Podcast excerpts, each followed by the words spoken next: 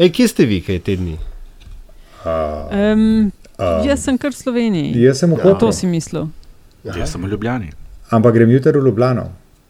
Mhm. In pojutraj še v Koper, uh, v Zagreb. In po, ja, po pojutrišnjem pa še ne vem kam. Stop, stop, to je bila finta. Aljaš, kje si Ja. ti? Aha, hvala, hvala, če že glih vprašaš. No.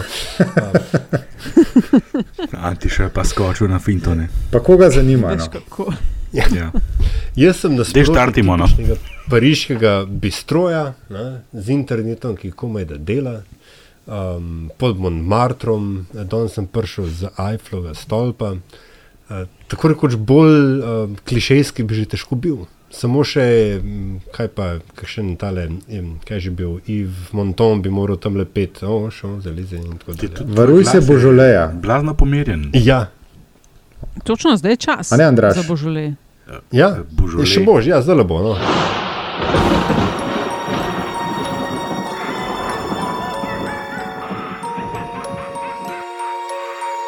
Pred nami je časna naloga. Te razprave ne bom nadaljeval, pa ne zato, ker ne bi bil poguben, ampak zato, ker eh, nisem neumen. ker se jebi ga nekdo mora boriti za otroke. Več afer, kot bodo sproducirali, bolj bom grizla in sekala lovke. Nič več ne bo tako, kot je bilo. Ko bi sedel v avto, pa bi me vprašali, na katerem ovinku pričakujete, da bom srečal koga. Ko bom imel kaj več zapovedati, pa bom tudi, to tudi storil. Prva stvar je neenotnost opozicije, in druga stvar je neenotnost svetovnih velesil. V imenu svojih najbližjih in v božjem imenu vas pozivam na lov. To je lepega del! Podcast, ki nikogar ne podcenjuje in ničesar ne jemlje preveč resno. Aljaš, Mm. bravo za tole špico. A ja, ja, ja lej, je bilo mislim, težko? Pač, veš, eh, jaz, v potu svojega obra, v potu mojega obraza ste uživali v njej. Krasna je. Čarovnica Ja, hvala, na koncu pa poklon. Ja, res. Ja, to, se, pa- to je pa treba, iz čist varnostnih razlogov je, se, je, je treba mm, pokloniti in jo pohvaliti. Mhm. Hvalimo in, Ne, pozdrav... odlično, Hvalimo in pozdravljamo. Ej, ja. Ok, še uradni začetek. LDGD, osvežen za novo špico, podcast, ki nikogar ne podcenjuje in ničesar ne jemlje preveč resno, še posebej ne politike. Z vami pa smo Aljaš Pengovitenc, Antiša Korjan, Andraš Zorko in Nataša Briški. Uh, in verjetno tudi Slavko. Slavko, hvala za seštevanje, to je treba reči. ne. Res si naš dobri Antiša, duh. Ti daleč, daleč največ uh, govoriš. Jaz te za kakšno sekundo sem za tabo. Dobro, vse danes bom proval. Največ ali Pač imam- najdlje. Pač imamo veliko zapovedati. Tako da hvala, za, um, hvala vsem, no, ki nas spremljate, ki podpirate podcaste na Metini listi. Uh, nas vse dobite na Twitterju in pod ključnikom LDGD. In uh, smo zelo hvaležni za vašo družbo in napovedujemo, aljaš za tokratne teme. Se pravi, rekli smo, obdelamo zamenjava na vrhu petrola, ne, politična kadrovanja. Kdo je zdaj koalicija? Um, Andraš, ti boš užival nove ankete, nova anketa.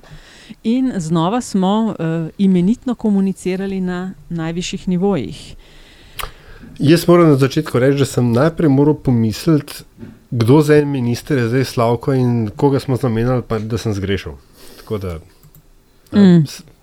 Slavko je reč prosti. Ampak si res greš, aljaš, veš. Ja, sej. Eh, Petrolanje, ajde, štartemo. Eh, Kdo želi Antiš, Andraš? Eh, Imamo torej zamenjavo na vrhu, vsaj po statistikah in številkah sodeč, enega od eh, zelo uspešnih slovenskih podjetij. Za zamenjavo naj ne bi vedel SDH, ne vlada. Um, Komu verjeti, komu ne. Šarec je tvitev, da LMŠ nima nič s tem, da gre za dezinformacijo, po smehu sodeč. Uh, Antiša, Ja, kaj mi vprašati se je treba potem, kdo je vedel. Ker če ni vedel SDH, če ni vedel predsednik vlade, potem jaz ne vem, kdo je vedel. in me to res strašansko zanimalo, in z velikim zanimanjem pričakujem poročilo SDH-ja vladi, ki bo verjetno to, mm, uh, to uh, vsaj delno odgovorilo. Res me zanima, kdo je vedel. Si pa težko predstavljam, uh, da predsednik vlade tega ne ve. Zanikanje je bil- prvi znak priznanja. Ne? Ne, ničesar ne smeš verjeti, dokler ni zanikano vsaj trikrat. Ne? Tako, Ja, tako gre. Jaz sem bil pri celi zgodbi, veš, ta, ta, uh, ta film, oziroma ta izsek se mi je iz Kazablanke se mi je zarolo, veš, ko um, pride Captain Renault v, v Riku, ne, Humphrey mm. -hmm. Bogartu, pa reče: I'm shocked, shocked that gambling is going on in this institution. In potem pride Kellner in pravi: "Uh, You're winning, sir, oh, thank you. Ne? Tako se nekako. spomnim tega. Ja. Uradni razlog so bila, saj tako piše, razhajanja glede izpolnjevanja strategije družbe. Andraš? Ampak to je še zmeraj vse zelo neuradno, pa neformalno. Ja, ja, no, ampak to so zapisali, vemo pa zares ne kaj. Mislim, okrog Še tega vedno, je bilo no. zdaj veliko nekih interpretacij, spin-offov in takih in drugačnih. Ne. Mislim, spin-off, spin-off, pinarovskih. Ne. Tle je zdaj res težko. Predvsem mene najbolj skrbi to, da, da prvi predstavnik države reče, da ne ve, za- zakaj gre. Ne. V firmi, Sam ki je da- Ampak on ni rekel, da ne ve čisto točno, zakaj je. On je bil v bistvu, ne, zdaj, če, če pač poskušam biti nekaj bolj resen ali pa pogledati na stvar z, z, z drugega zornega kota, on je zelo natančno rekel.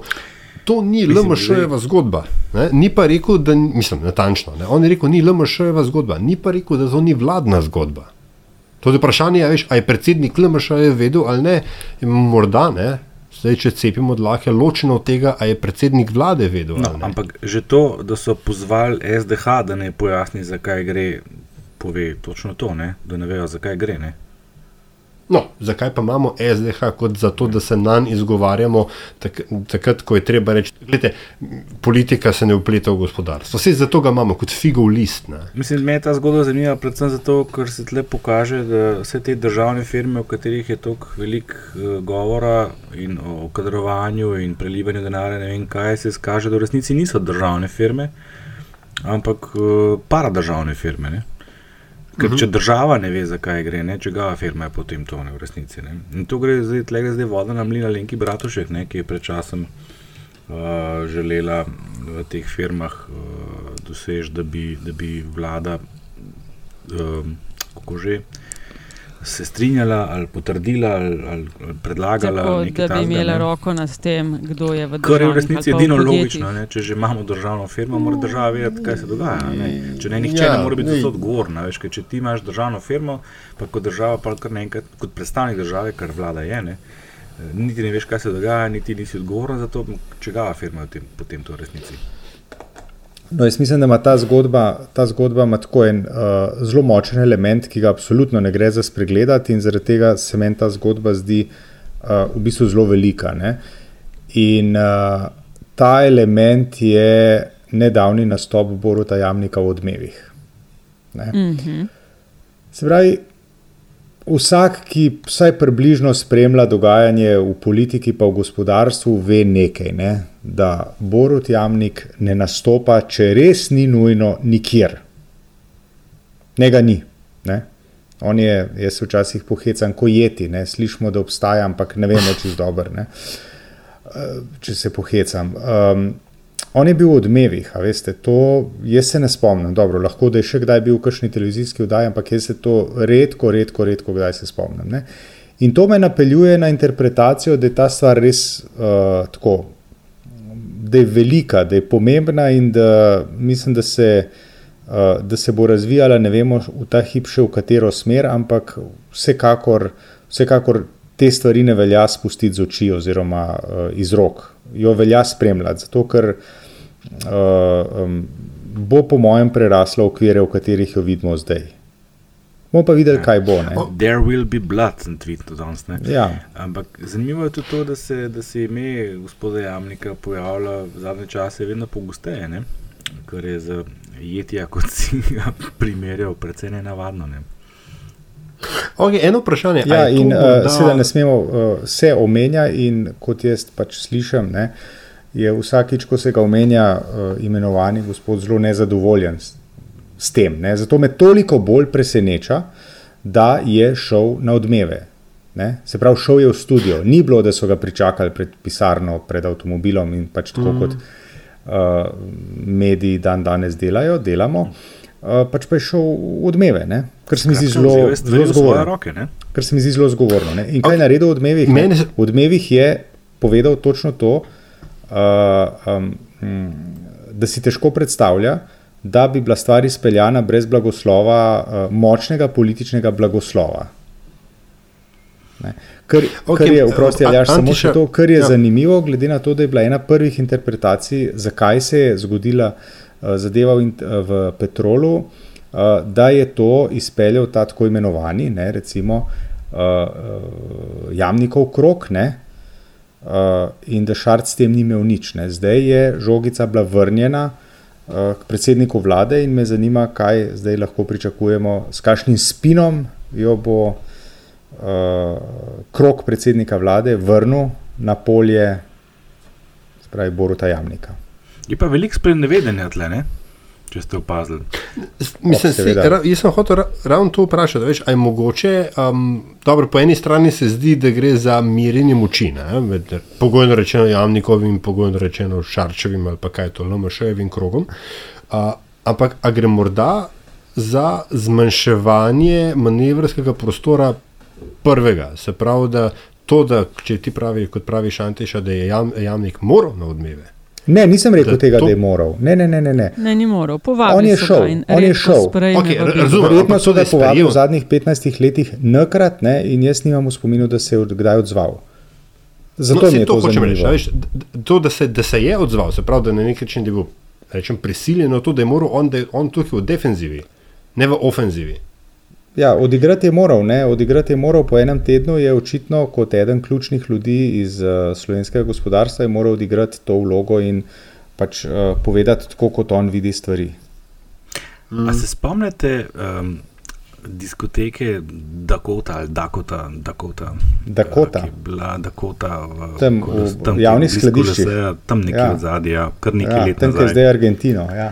Taka um, ambiciozna poteza. Potem so enkrat ko je zadeva propadla, mladini pisali o tem, kako je lastnik Dakote uh, neslavno propadel in da je dolžen 3 milijone mark, verjetno še takrat. Potem so se pa na ta zapis tri naenkrat odzvali in zanikali, da je to res. Ne, tri različni no, osebe. Tega se ne spomnim.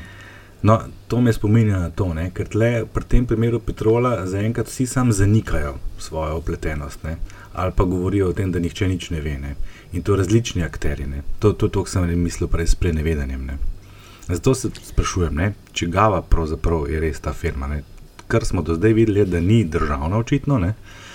Um, od koga drugega pa tudi ne veš. Oni so rekli, to ni zaradi tega, ker so v zadju, oni, nadzorni svet, ne. to ni zaradi tega, ker so v zadju ruski interesi po prevzemu. Šarc je rekel, to ni zato, ker bi mi tle kadrovali. Oni spet rekel, to ni zato, ker, to ni zato, ker. Ne. Vsi za to, da Andraš, veš, vse v resnici, ni, v resnici ni državna firma v pravem pomenu besede. Država ima tam tako, tako ali drugače, ne, približno 30 odstotkov, slabo tretjino ima država. Ne. Ostalo, ostalo imajo pa različni investitorji, med drugim ena, mislim, Češka, Češka banka ali neka finančna institucija, pa razne slovenske finančne institucije in tako naprej. Tako da to je v resnici v slabo tretjinsko državna firma, no, da jim tako rečem. Ostalo je pa razpršeno. Kontrolni delež, Kontrolni delež pa ima, ja, seveda. Ne. Tako.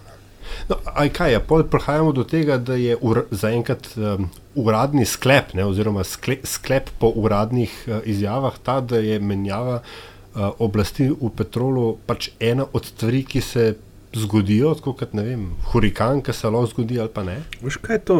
Mislim, da je tle sporno, mislim, sporno.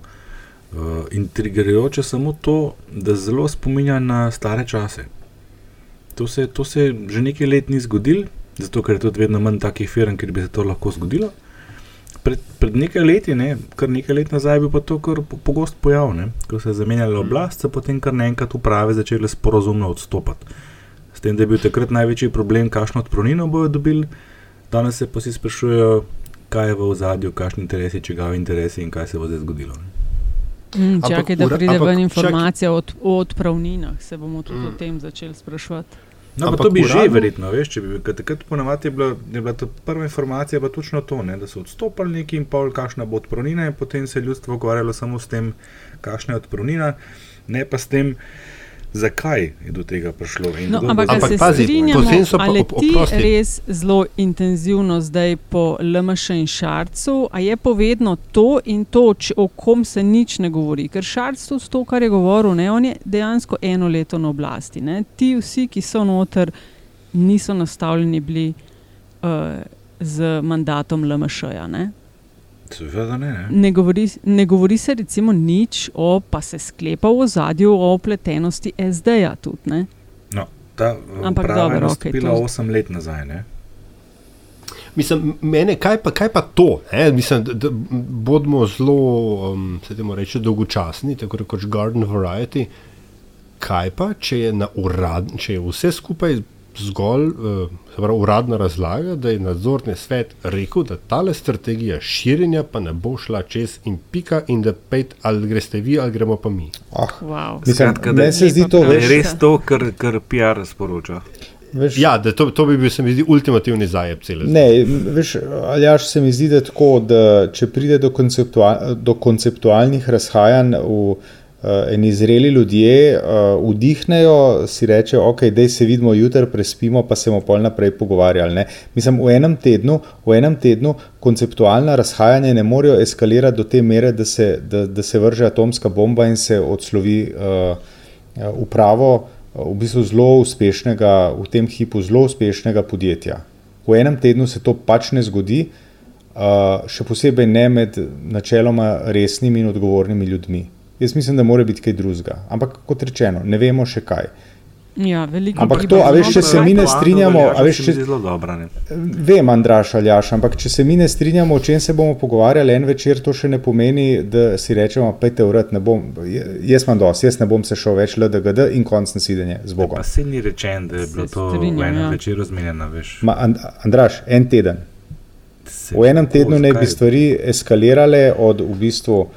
No, uh, se- naj bi, saj, a saj ne vemo, kaj je res, Sej, ne. to je pa. Ne.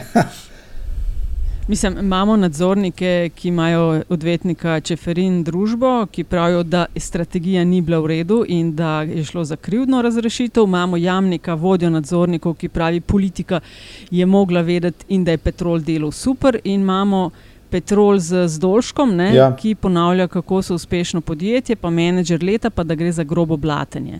In imamo desno, ki je na strani.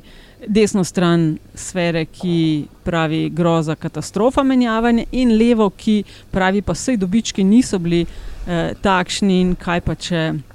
Uh, je bila res strategija fail. No, a vidite, mi zakaj je spravno, da te stvari ni reče, treba vi- spustiti izpred oči.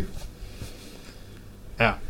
Ja. E, hot, hotel sem sam reči, ne, da pač je bizarno, da levica reče, da so bili dobički premehni. Ja, pravijo ob milijardi in, ne vem koliko še obrnjenega denarja, ne, da je 40 ali koliko milijonov dobičkov.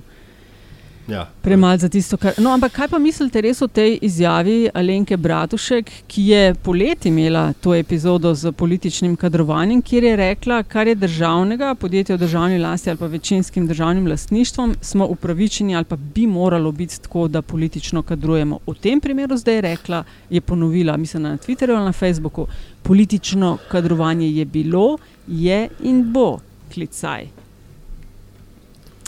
A je to narobe, a je to Antiša, uh, Ma, Andraš? ko Mi, a veš, Nataša, ko mi rečeš politično kad, kadrovanje, jaz. Ne, to je ona, to ne, ne, se vem, njo. ampak ko slišim ta termin, potem se spomnim na Marjana Podobnika kot direktorja Telekoma. Ne? To je za me politično kadrovanje v pravem pomenu besede. Zdaj, da politika ima vpliv na ključna podjetja v državi, v katerih ima tudi uh, lastniški delež, se meni zdi tako, se mi zdi razumljivo, ne? oziroma se mi zdi logično. Je pa res, da ti, uh, da ti ne pomaga prav zelo, da si politično kadrovan, če v zadevi nimaš pojma, kar hočem reči. Oziroma, ne, če z vidika ja. politike rečem, ne, ti nič ne pomaga, če ti ja nastaviš svojega človeka, ki rekel, ne zna v liftu priti iz tretjega v sedmo nadstropje in nazaj. Ne. No, ampak če nastavljaš Fino je, svoje fino, je, ljudi, če ki ga nastav, fino je, če ga nastaviš, pa da nekaj zna. Ne? To se mi zdi zelo fino. Jaz tako razumem politično kadrovanje. Recimo. Ne tako kot eh, sestra, pa punca, pa ne vem kdo še, pa sin uh, je šel ne vem kam. Ja. To jaz razumem pod politično kadrovanje. Skratka, imamo pod vplivom vem, takšno in eh, drugačno podjetje, možnost, da nekoga svojega notra imenujem, pogledaš, kdo zna se te stvari jad in ti je vem, lojalen. Potem je, pa še vprašanje, potem je pa še vprašanje postopkov in ne na zadnje stila. Ne? Uh, se pravi, a ti, zdaj, a ti to zdaj narediš o prvi mogoči priložnosti, ki se ti ponudi, ne? ali imaš morda nekaj malega takta, pa stila, pa počakaš, da se komu izteče mandat, pa potem poskrbiš, da tvoj, člo, tvoj človek pride tja. Ne? No, pa mm -hmm. marsikaj bolj jasno, potem, ko bomo zvedeli, kdo je naslednji predsednik. Ne? Ja. Verjetno. Viš kaj, no, pa še nekaj. Ne? Um, ta zdaj, zadnja izjava Lenke Bratovšek vendarle dokazuje spet to, da je v slovenski politiki za preživetje dovolj že to, da enostavno dovolj časa zdržiš. Ne? Ker ne glede na to, kako zelo zamočeš, enkrat, rabiš samo, samo dovolj časa, mora miniti, pa se bo zgodba obrnila do te točke, da boš lahko rekel: Ah, evo, a sem vam rekel.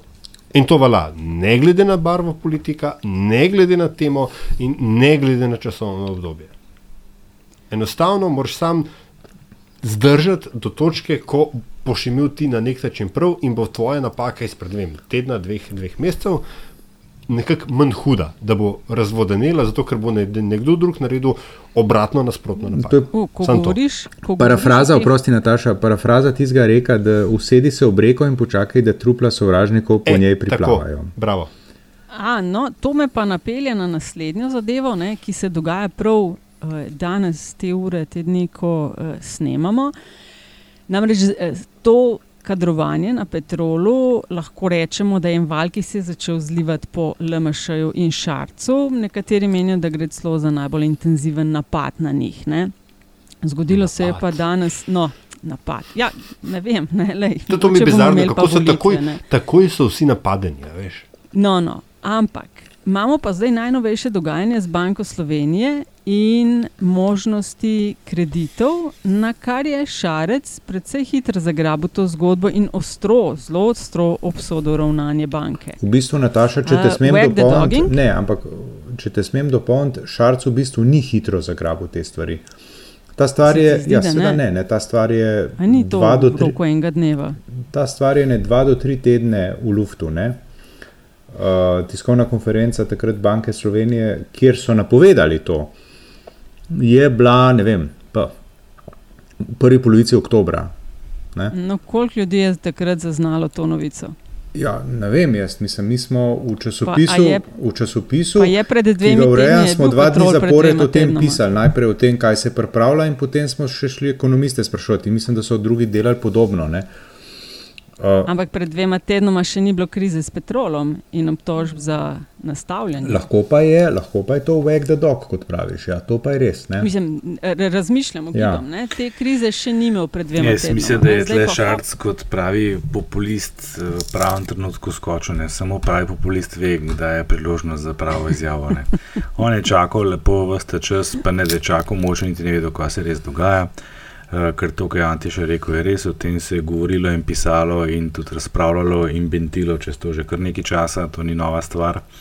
Tam okrog 12. oktobra je bilo noč do prazniki, nekaj stvar že adakta, ki je že sprejeta, ne, se je pa uh, razburil kot pošten državljan, uh, eden od tistih, naš, naš je, naši smo, to smo mi, bogi državljani in se razburil in lovi zelo, zelo poceni popularnost, misliš, da mu bo to mogoče celo pomagalo obrniti negativen trend iz anket, kar se seveda ne bo zgodilo, ker ankete kakorkoli ne merijo tega, kar, kar ne bi merile. Vse niso tako naivne, da bi se tako hitro obračale. Pričemer je, Andrej, prosti, za, za, za hip sem ostal brez sape. Kakšen negativen trend, prosim, to ni vendar najbolj priljubljena vlada vseh časov. Dvakrat zapored je že padla podpora. In smo že pri anketah, Andrej. Ne, jaz bi samo še, samo še za trenutek, bi se samo, se upravičujem, ker tišim palce v šprikle. Ne? Ampak tudi po vsebinski plati ta izjava, po mojem, današnja od predsednika vlade, ni najbolj posrečena. Ne? Zaradi tega, ker mi seveda vemo, ne, da danes ti min banke greš, pa ti dva kredita dajo, ne enega. Ne? Uh, in uh, kako, kako to z nas gledati, in seveda potem se imamo fino, ko si kupimo nove smoči, pa gremo v kan na počitnice za en teden. Ne? Ampak, veste, to je treba potem odplačevati in to anuitete niso nizke, in ko se ljudje zaciklajo, je hudič. In mi, veš, mi mislim, potem, potem imamo pa na tedniku zgodbe, kako ne zmoremo plačevati uh, posojil, ki smo jih seveda vzeli opravilno sposobni, kot smo, s podpisom v banki in so nam dali ne vem, 10-15 tisoč evrov in odplačuj. Ne. Ja, pa se bo pa še Euribor dvignil in pa bo pizdali. Ne, tako da jaz mislim, da, tako da, jaz mislim, tako da jaz mislim, da ta stvar, ta stvar, ki jo je Banka Slovenije tako z vidika zdravja nacionalne ekonomije ni slaba, nekaj, nekaj smo se vendarle naučili tam v obdobju 2008, 2012, 13, 14. Ne. Uh, tako da je mogoče, če je šlo za Wag the Dog, kot praviš Nataša, je mogoče zbral mogoče ne najbolj posrečeno temo predsednik vlade. Mislim, Ampak, jaz ne vi- pravim, da je bankino eh, početje wag the dog, ampak samo da je Šarec izkoristil to, da poskuša, ker je ugotovil, seveda, da je ljudski sentiment zelo nenaklonjen temu, da je to ostro obsodil in upa, da morda bo zadeva s petrolom šla. Ja, no. Ampak, vi veste, vi veste kdo je bil še en uh, vodja um, države, če hočete, ali, ali pa, ali pa pač ne, vlade, ki je uh, kakšne tri mesece po tega ostro, ostro kritiziral šefa centralne banke za njihovo politiko. Ne. To redno dela Trump drugače. Tako je, to sem mislil. Vse so ga v financah na tri popoldne, točno to so rekli. ima. Ne, a veš, da je, da je, mislim, kar nekaj govorimo, tle tri krasne, no, sem spet malo razburjen. A veš, to je bilo že sprejetne. Šarc je skočil v trenutku, ko je bilo že vse končano. To je čisti populizem Sej, in čist govorim. drugega. a veš. O In- tem govorim. Ja. da je skočil, v- mislim, vedeli so. Ampak dva tedna nazaj, ko je bilo to sprejeto, ni bilo petrolanja. Pa ne samo to, ne. tudi če bi prej skočil, bi bilo čisto vse en, ne, ker on pač ni banka Slovenije. a ne. To je pa največja neumnost pri vsemu skupaj. Mene bi Oni zanimalo, kaj pravi, trga, bi me pa zanimalo, Rekel, kaj pravi rekel finančni Zanj minister od Šarca. me- A se mi slabo slišimo, ker jaz vse čas imam občutek, da en če drugega govorimo. Ne, sam A veliko ne, imamo dobro zapovedati. Ja. Ja. O, en zvoni. Komu zvoni? Pralni stroj njihov, aha, ni. Ne, a veš, koliko je zanč rekel Aljaš, ne, še jaz malo v, v polje metafor skočil, koliko je Antiša prezlo pošarčevsko s špriklami v kolesu skočil noter, ne. Ekonomist v meni pravi, ne, to nima veze s tem, veš, mislim, to je, to je Banka Slovenije je regulator trga, ne, bančnega in neki so se odločili, a je to dobro ali ne, stvar razprave, ne. Smešno je recimo, da tisti, ki so še nedolgo nazaj razlagali, kako je uh, minimalna plača v Sloveniji preniska, ker s tem ljudje ne morejo živeti. Zdaj kričijo, kako zdaj umijujete kredite tem ljudem, kako vendar, če ne more s tem denarjem živeti. Ne? Kaj, tle zdaj nekaj matematika ne štima. Ne?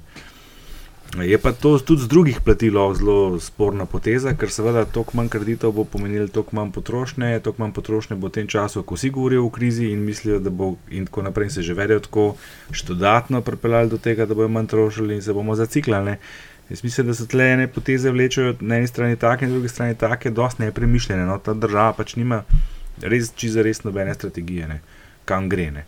Nekaj se vse malo tako sporadično dogaja, ne? pa se pa nekaj zgodi, pa se pa vsi ukvarjajo s tem in, in se tudi mi ukvarjamo s tem, ne kva pa zdaj s tem petrolom. ne. Mislim, sej, sej je samo en petrol v končni fazi, ne sej petrol ni zdaj nek glavni proračunski vir denarja ali pa, ali pa ne, vem, ne zaposluje pol Slovenije ali pa ne vem kaj, da bi se morali to z njim ukvarjati v resnici. Ne?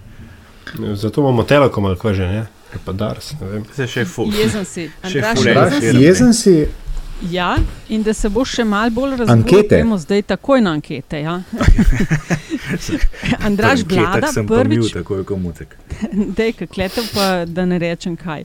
Eh, Vlada prvič pod 50 odstotki, če sem prav si zapomnila cifro, 49,2 odstotka ocenjuje ta delo vlade kot uspešno, uspešno. Prejšnje mesece je bila ta številka okrog 60 odstotkov. Ja, in na zadnje smo se pogovarjali, ko je prvič padlo pod prejšnjo vrednost.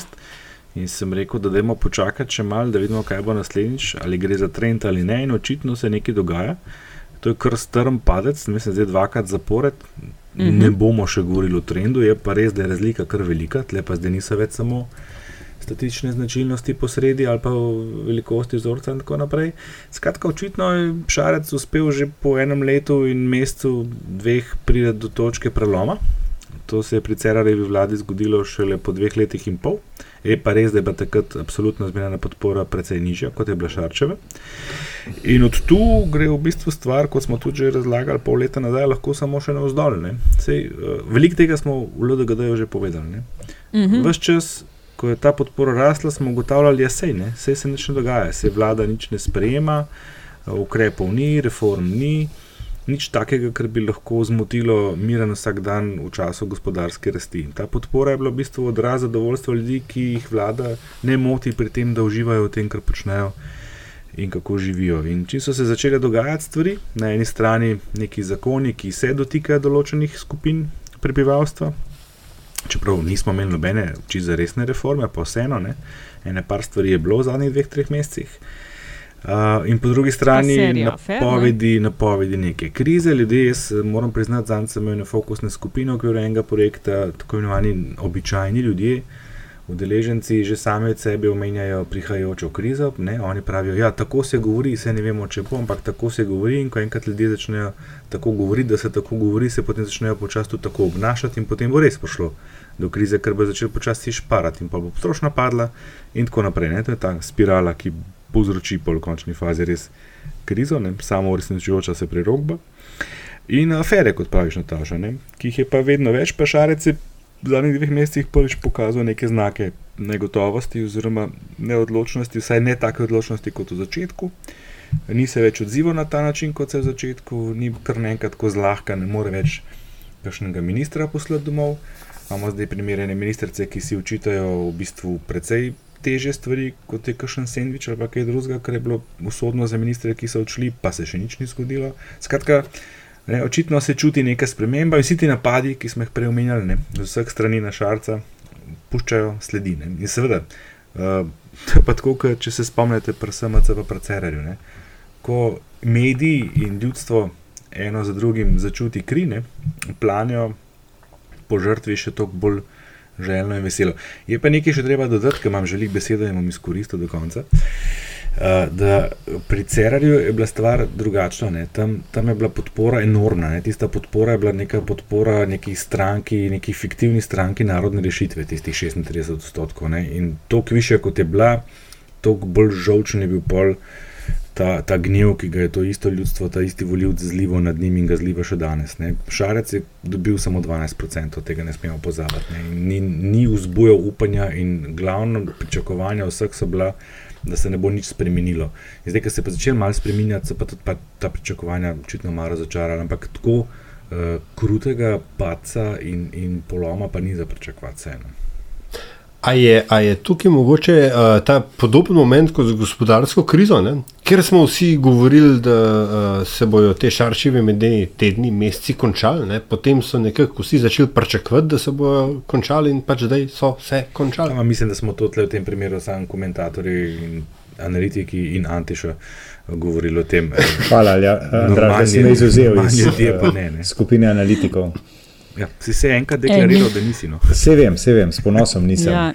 Okay, zdaj pa tako, kam, a je to samo, uh, skratka, a gre samo za recesijo javnega mnenja, ali gre za depresijo in, in uh, kaj je to pa, razpad, propad, falling off a cliff edge in tako dalje. Jaz mislim, da to ne bom še rekel, da že je, ampak vedno bolj očitno pa postaja možen indikator deklina oziroma počasnega upada te podpore, ki je bila pa itak, kot smo že prej rekli, bolj kot ne, res sem deklarativna, no? nima veze z, mm. dejanski, z dejansko podporo. Ne. Ampak verjetno mm, vendarle ne še postaja, nekam v prepad, ampak na neke realne vrednosti. Ne, ne se to, kar mm. sem prej rekel, ne, veš, počasi bo šlo navzdol, ne, počasi bo šlo na, na, na nek normalen odnos, na rekovajih, ki ga ima to ljudstvo do vlade. Ne.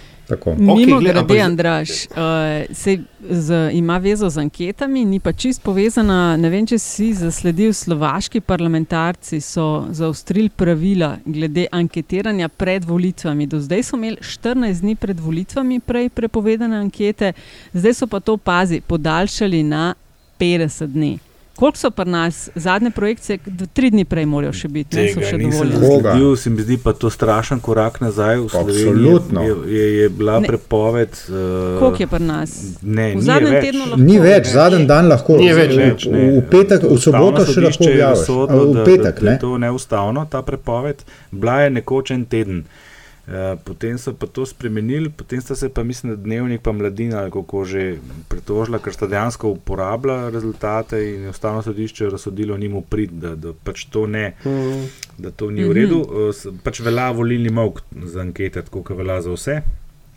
Petek zvečer Ja, tudi- ti še Ja, objavljaš. ne. volivni mok spet, ne, to smo tudi že obdelovali. Ne velja za vse, samo za tiste, ki so aktivno v kampanji. Jaz tudi ja, mislim, da, jaz tudi mislim Andraž, da je, uh, da je uh, to ni volivni mok. Ne? Kršenje volivnega moka ni, če ti objaviš anketo. Ne, ne, ne, ne, po mojem ne, ne, razumevanju ne, ne, ni. ne, ne. ne, ne, nisem tega mislil. Pač, uh, isto pravilo kot pri volilnem moku, no pač v soboto se ne sme objavljati.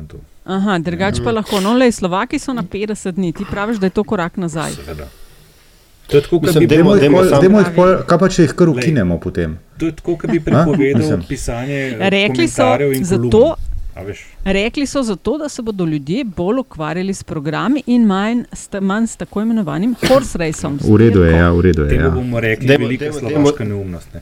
Zato, ker, Ja, dajmo to postaviti z, v- z istim razlogom bi kontekst. lahko prepovedal pisanje kolumn in komentiranje česar koli v 50, zadnjih 50 dnevih. Seveda, Javno no. raziskave so pač samo eden od virov informacij. a ne. Zdaj, seveda, Mi- mislim- dajo ti veliko možnosti manipulacije, ampak sej, kaj pa je vsak komentar, ki ga napiše vsak, ne vem, kakšen podcaster ali pa, pardon, izreče podcaster ali pa napiše en, en bloger ali pa en. Ne vem, kjer portal drugega kot to. Mislim, Pa tam ti jih se tudi brati ni treba, Grozne no, stvari kaj. dogajajo. ne. Če ti, jih- če, če ti ni do tega, jih pa ne bereš, pa konc pa zdravo. Ne? Mislim, da dajmo to vsem v kontekst tega, da pač ima Slovaška še malo bolj problematično vlado kot ima Slovenija ne, in da so tam skrajno desne sile a, tudi a, zelo, zelo prisotne, vsaj nekje v ozadju, če ne že celo pri virih oblasti, in da so pač to vrstne ukinjanja anket nekako bolj. Um, se temu ali pa prepovedi, ne, objavljene anket bolj um, nekakšna reakcija na to, da uh, se progresivne, liberalne kako kako sile v tistem višegradskem četvercu nekako vendarle na- nazaj porivajo ne, in da je pač to ne, neka, neka defenziva. Uh, um, v offsetu, če hočeš, ne, uh, branjenje oblasti. Tako da fej in fuj. No. No, mislim, Ja. Okej. Prepovedi, jaz se že v osnovi ne maram. Ne. Eh, Pa vemo, z katerih smeri vedno pridejo. Ne. Imaš pa določene razloge, zakaj so v določenih primerih smiselne. ne. Naprimer, imaš situacijo v ZDA, kjer je časovna razlika med vzhodno in zahodno obalo taka, da ko se na vzhodu volitve že končajo, na zahodu še potekajo. In ko začnejo na vzhodu, po koncu, ko zaprejo volišča, objavljati prve exit pole, to dejansko vpliva na vedenje ljudi, ki še hodijo na volišča na zahodu. Veš, to je recimo smiselno, ne? ker takrat se potem Ja. ljudje začnejo, ah, se je že zgubo, je že konc, ne, ne bom šel voliti. ne." Uh, taki primeri. Ok, ampak to Andraš, so- lepo se boriš za svoj biznis. Ja, Bomo mislim. zaključili. A gremo na 30. Gremo na Pa smo 30, še samo mogoče, če bi kdo še imel komentar na to zadnje v javnem komuniciranju, od svin do ikujev, čevljev in krofov. Vedno znova ugotavljamo, da, da še nismo očitno dosegli dna.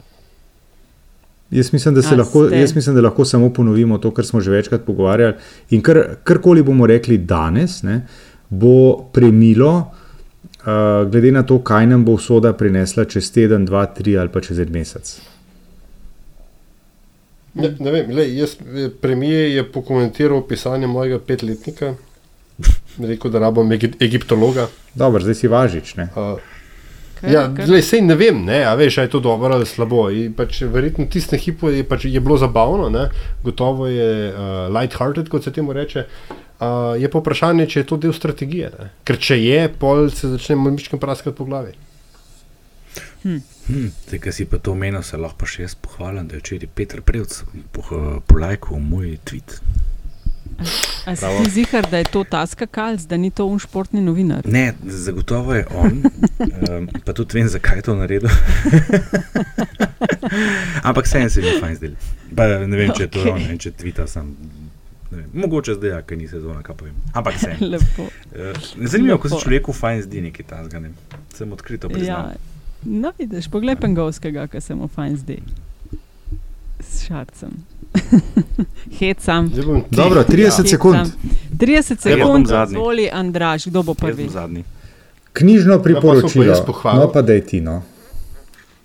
Jaz sem pa kupil novega Astrixa, čist frišnega, še tako rekoč iz, iz um, topoga iz pečice. Uh, hčerka Vencigetorixa je naslov um, najnovejše Asterixove dogodivščine. Punci je ime Adrenalin in uh, po naključju ali pa ne je podobna Greti Thunberg. In zdaj se jaz prebijam z mojim rudimentarnim znanjem francoščine skozi vse te besedne igre in sem že na strani dve. In bom nadaljeval uh, v sferi literature tudi sam. Zadnjič sem naletel na knjigo Jožeta Horvata, ki ima naslov Na slepem tiru, pod naslov pa Dnevnik kulturnega urednika dela v letih 89 do 91. In zdaj ugotavljam, da so bitke, ki so potekale med novinarji in uredniki, ali pa med uredniki in odgovornimi uredniki, še danes do potankosti skoraj enake kot pred 30 leti. Uh, tudi danes se bodemo za denar, za število strani, za novinarje, za prostor v časopisu, za tekste, kam bodo šli in tako naprej. In zato, dragi novinari, med poslušalci, danes ni nič hujše ali bolje, kot je bilo včasih. Zelo podobno je. Samo časa za bife se mi zdi, pa žal manj kot včasih. Mojih 30 je pa tokrat na temo javnih naročil in pogostega. Izbrali smo najcenejšega ponudnika, tako nalaga zakon. No, tega zakon o javnem naročanju ne nalaga, so me zadnjič podočili, že tri leta, odkar je v veljavi. Merilo za izbor ni najnižja cena, ampak ekonomsko najugodnejša ponudba. Tisti, ki bi morali vedeti bolje, best value for money, še kar prevajajo napak. To namreč ne pomeni še enkrat najnižje cene, ampak ekonomsko najugodnejšo ponudbo oziroma najboljše razmerje med ceno in kakovostjo. Kakor smo začeli, bomo tudi končali. Dragi Slavko, občudujem tvojo strast in ljubezen, s katero se dotikaš številk. Čast mi je, da so moje izjave eden od objektov tvojega štetja, kakor tudi, da si tvoj kolega, zvesti spraševalec in včasih morda tudi svetovalec. Potrudil se bom, da bo mojih 30 čim bliže dejanskih 30 in da bom še naprej držal prvo mesto na lestvici. Vsaj v tem pogledu. Štej nas še naprej veselje te spremljati. Tvoj Andraš. No, Wow. če, se lepo. Bravo. Če se vam zdi, da smo povedali v tej epizodi kaj modrega in bi bilo fino, da to slišijo še vaši znanci, prijatelji in prijateljice, vam kličemo vnaprej. Hvala za deljenje epizode in da mora biti še koga opozorite na njo in kličemo na svidenje naslednjič. Ne?